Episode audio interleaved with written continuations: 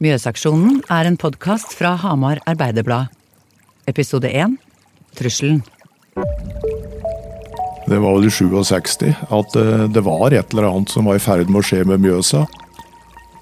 De som hadde båter langs Mjøsa, de var jo begrodde. Jeg ante jo at det skulle være ganske ille, da. men at det var så ille som det var, det, det visste jeg ikke da.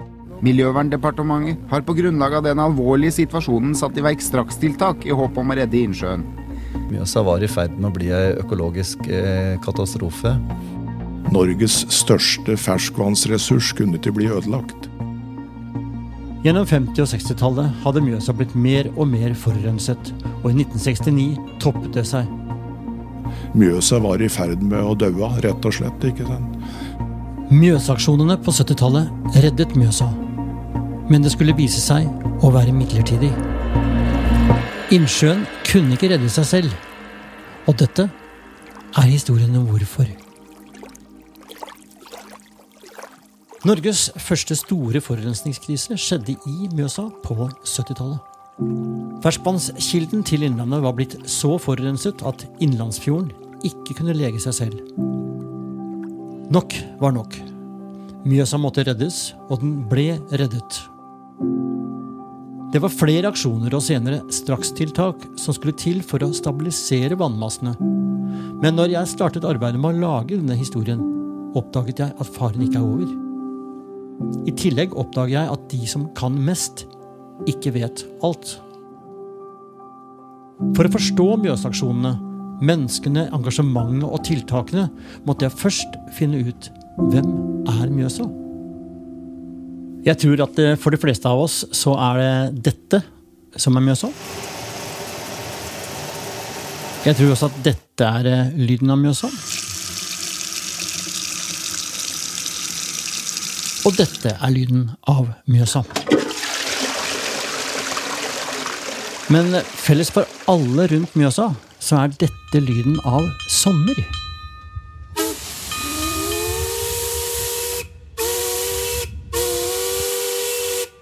Lyden av skiblander. Mjøsa-aksjonene handler mye om forurensning. Og dette skipet kalles på folkemunne for Mjøsas hvite svane. Vi kan jo fort falle for fristelsen av å tenke svanemerke på vaskemidler, men det skal vi la ligge litt. Det viktigste er at skiblander har vært med oss som bor rundt Mjøsa, lengre enn noen andre. I dag er skiblander en viktig kulturarv som minner oss om at folk har brukt Mjøsa i uendelige generasjoner. I dag seiler hjuldamperen på Mjøsa mellom Gjøvik, Kapp, Stange, Hamar, Brumunddal og Målven, helt nord til Lillehammer og helt sør til Eidsvoll. Over tolv mil i distanse. Og i dag er dette en kuriositet, for skal du noe sted nå, så tar du jo bil. Men slik har det ikke alltid vært. Så for oss som lever i dag, er Mjøsa en utømmelig kilde til vann. I springen, i dusjen, i klosetten. Eller når vi går tur langs bredden av innlandshavet og nyter det vakre skinnet. Eller bader. Mens i gamle dager, da hadde Mjøsa en mye viktigere betydning og funksjon. For hvem er Mjøsa?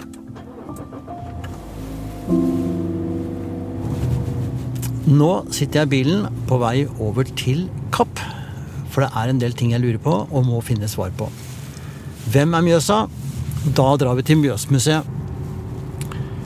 Mjøsmuseet, der er direktør Arne Julsrud Berg klar til å ta imot oss. Eh, Jeg mener nok at Norges første vannklosett der får vi om bord i Skibladner i 1856. At Skibladner forurenser Mjøsa med Norges første klosett, skal vi la vente litt. Arne er den som vet mest om Mjøsas historie, og jeg er jo nysgjerrig på hvem Mjøsa er. Når eh, kom folk hit, og hva har Mjøsa betydd for de som har bodd her f.eks. de siste tusen åra? Ja, det har betydd veldig mye, og ikke bare de siste 1000, de siste 8000 åra. Første mennesker som kom opp her, brukte Mjøsa som kommunikasjonsåre, for det var mye raskere å padle seg opp i en stokkbåt eller en, eh, en skinnbåt. Så i den tida så var det altså nok Mjøsa som kommunikasjonsåre, altså raskt å ta seg fram. eh, Og som spiskammers, som var eh, veldig fiskerik.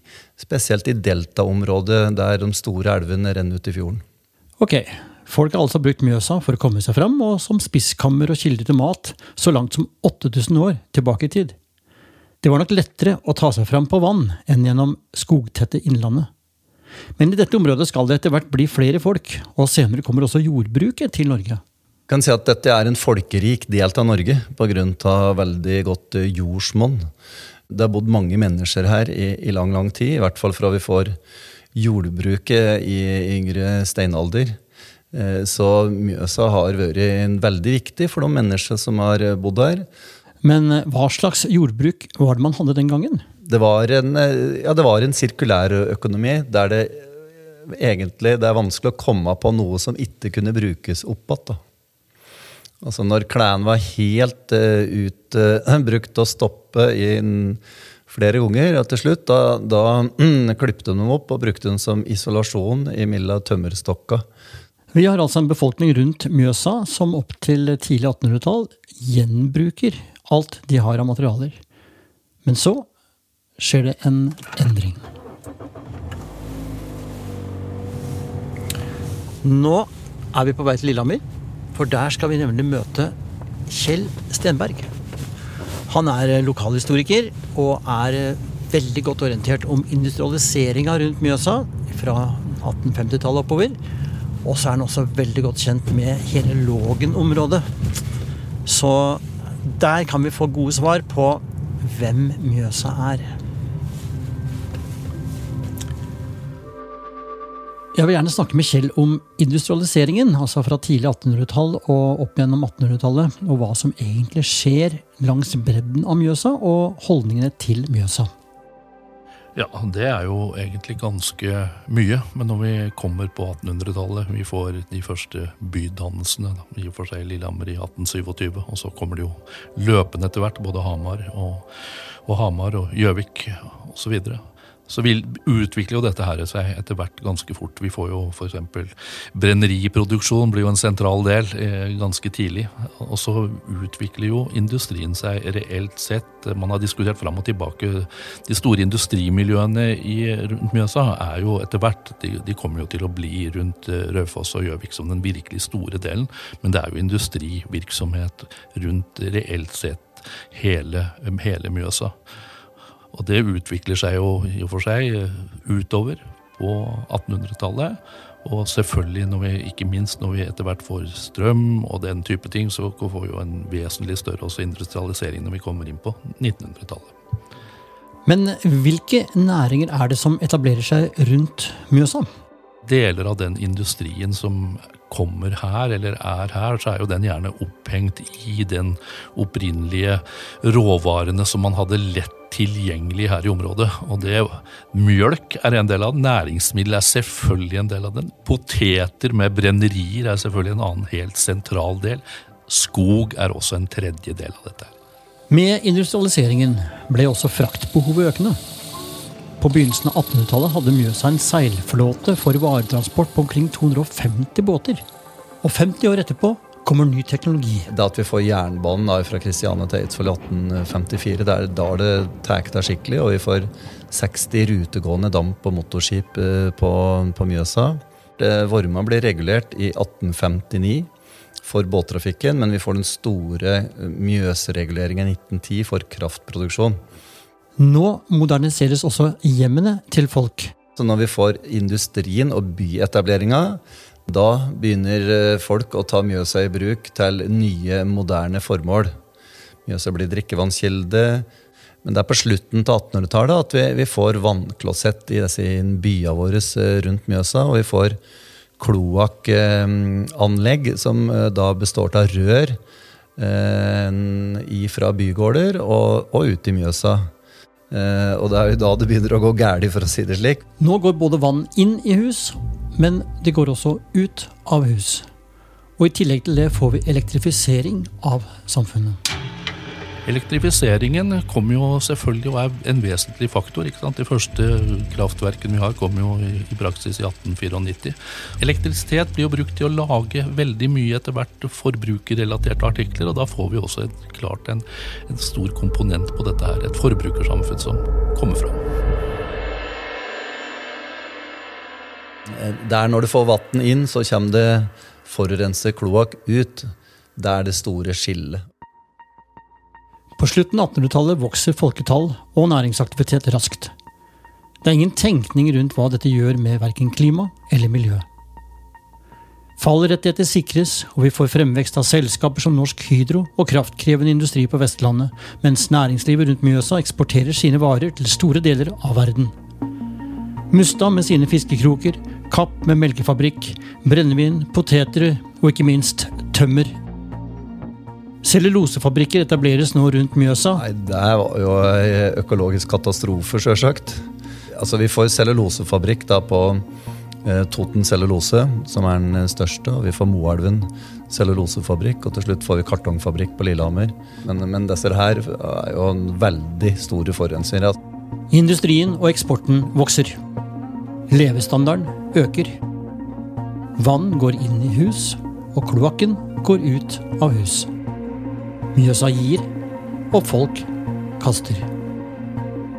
Første verdenskrig passerer, og vi beveger oss inn mot det store børskrakket i 1928. Tilgang på vann hjemme begynner å bli en vane, men kunnskapen om vannsikkerhet er ikke god nok. Folk rundt innlandsfjorden aner ikke hva som kommer til å skje. De er ikke oppmerksomme på faren. Så skjer det.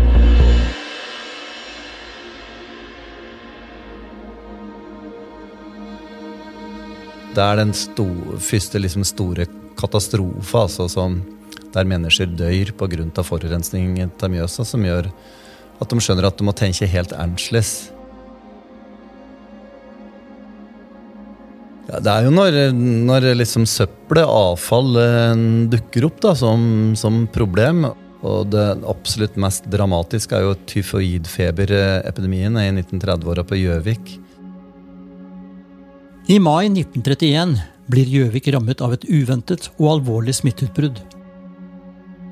Den lumske bakterien salmonella tyfi er utrolig smittsom og sprer seg kun mellom mennesker.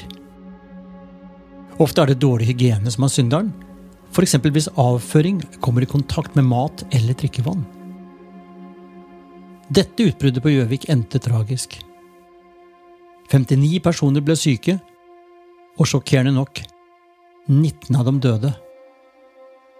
Men det store spørsmålet var hvordan kunne noe sånt skje ved Mjøsa i 1931? Det er på grunn av spesielle vær og strømforhold så eh, fører til at kloakken går inn i drikkevannsinntaket. Altså kloakken renner nordover.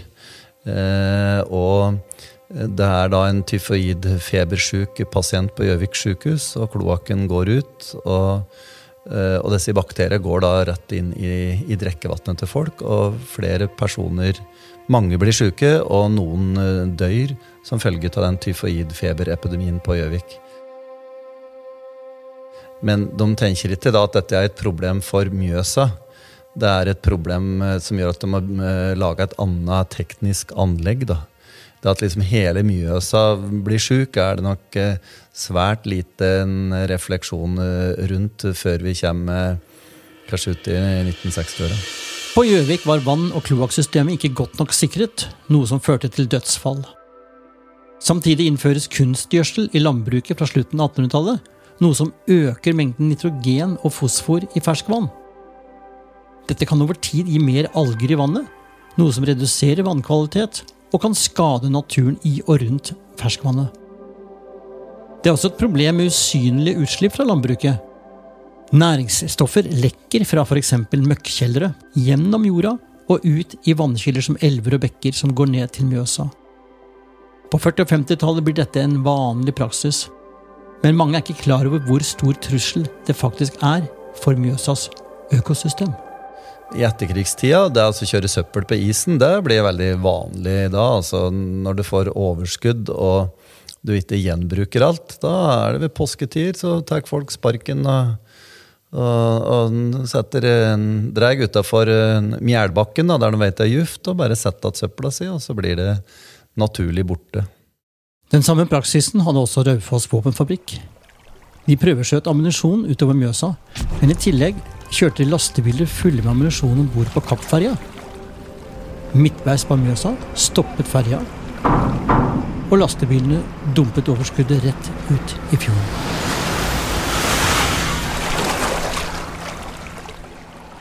For vi hadde jo ikke et lovverk den gangen, og man tenkte jo heller ikke på samme måten som vi gjør i dag.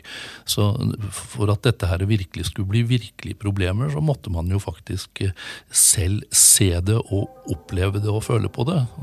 Det kan jo ikke være noe ille, men det er klart at Mjøsa er ikke så stor heller. Samtidig som man dumper overskuddet i Mjøsa, skjer det endringer i bruk av vaskemiddel og kjemikalier. På 1800-tallet så laga folk såpa si sjøl, eh, som de vasker klær til. Så kommer Denofa Lilleborg, som er den store, med en persill og mange artige, flotte navn, med lykkelige husmødre på reklamen. Eh, og de eh, inneholder fosfater, som Niva sier at er veldig skadelig for livet i Mjøsa. I overgangen mellom 50- og 60-tallet har de fleste fått innlagt vann og kloakk. Privathusholdningene står nå for renholdet selv. Det blir betydelig økt bruk av vaskemiddel, og tilførselen av fosfor tiltar. En stille storm er i ferd med å bygge seg opp. Altså Mjøsa og måten vi bruker Mjøsa på, speiler jo hele samfunnsutviklinga, egentlig. Så dette er jo kjent problemstilling. Det, dette skjer jo utafor Bergen og Oslo og alle plasser. Eh, men der er det det store havet, da. Som eh, tar unna, for å si det slik. Eh, det er jo helt fram til i nyere tid at det å kaste søppel i havet ikke blir akseptert. Bevisstheten rundt farene som truer, skal likevel komme til overflaten. Norsk institutt for vannforskning blir nemlig etablert i 1958. Deres hovedoppgave er å foreta målinger og overvåke balansen i vassdrag og innsjøer i Norge. Gjennom 60-tallet bemerker forskerne fra NIVA en økning i næringsstoffer, spesielt fosfor. Mjøsa ga allerede i 1950-årene signaler om at noe var i ferd med å skje. Utslippene fra industri og boligbebyggelse sammen med tilførselen fra landbruket har skapt en innsjø i økologisk ubalanse. Denne næringsberikelsen mente de var et resultat av landbruksavrenning, industriutslipp og kommunale avløp som inneholdt betydelige mengder fosfor. Men uh, tall er ikke like lett å forholde seg til. Det å lese kjemiske data det er ikke så spennende og lukter ikke så mye av. Men når du får dette på kroppen, eh, så var det klart at fisk og fiskerne ble veldig eh, sentrale i formidlingen av det slik de oppfattet det. Du hører Ole Nashaug. Han ble ansatt ved Niva sitt kontor i Hamar i 1969, og var ansvarlig for mange av disse målingene. Jeg kommer jo fra en gard nede i bygda her, og jeg hadde jo opplevd Finsalbekken som renner ut i Åkersvika, som ei fin elv å fiske i. Både Mjøsørret og Bekkørret. Og etter hvert så fikk vi både silosaft og forurensning i elva, så det var jo eh, nærmest ubrukelig å bruke elva til noe som helst. Så jeg følte jo denne forurensningen ganske tidlig, egentlig, slik som fiskerne i Mjøsa. At folk henter drikkevannet sitt, de bytter på stranda og får det med opp igjen, og det er møkkete. Så, så, tenkningen var ikke der i det hele tatt. Mjøsa var i ferd med å bli ei økologisk eh, katastrofe. Da snakker vi på 60-tallet, kanskje allerede på 50-tallet. Man begynner å se antydninger til dette her, men på 60-tallet og slutten på 60-tallet så begynner dette å bli veldig merkbart. Etter en voldsom algeoppblomstring sommeren 1969 ble det klart at tilstanden for innsjøen var meget alvorlig. Nå begynner også det øvre sjiktet i Norge å reagere. Vi får etter hvert miljøverndepartementer, vi får nye lover knytta til vannforskrifter, vannlov pluss, pluss, pluss, som gjør et helt annet fokus på egentlig forurensning. Fra og med sommeren 69, da vi hadde den der første ordentlige algeoppblomstringen, troligen grunnet at det var en veldig varm sommer i 69, så ble det jo bare verre og verre. Og så fikk vi to varme somre til, da i 75 og 76. Det er i sommeren 1969 at alle rundt Mjøsa forstår at noe er galt med drikkevannet. Niva har lagt fakta på bordet. Alle kjenner lukt, smak og den slimete bunnen. Fiskerne har sagt fra, og politikerne begynner å bli oppmerksomme på situasjonen. Allikevel er det en svensk forsker som skal til for at folk samler seg og begynner å forstå årsakene til elendigheten. Jeg ante jo at det skulle være ganske ille, da. men at det var så ille som det var, det, det visste jeg ikke da. Du har hørt første av tre episoder i podkastserien Mjøsaksjonen. Dette er en podkastserie fra Hamar Arbeiderblad, laget av Laget Tune Myrberget for Storyphone og Fabelaktiv. Du har hørt arkivopptak fra NRK og Statsforvalteren. Du finner flere episoder der du lytter på podkaster. Vi høres i neste episode.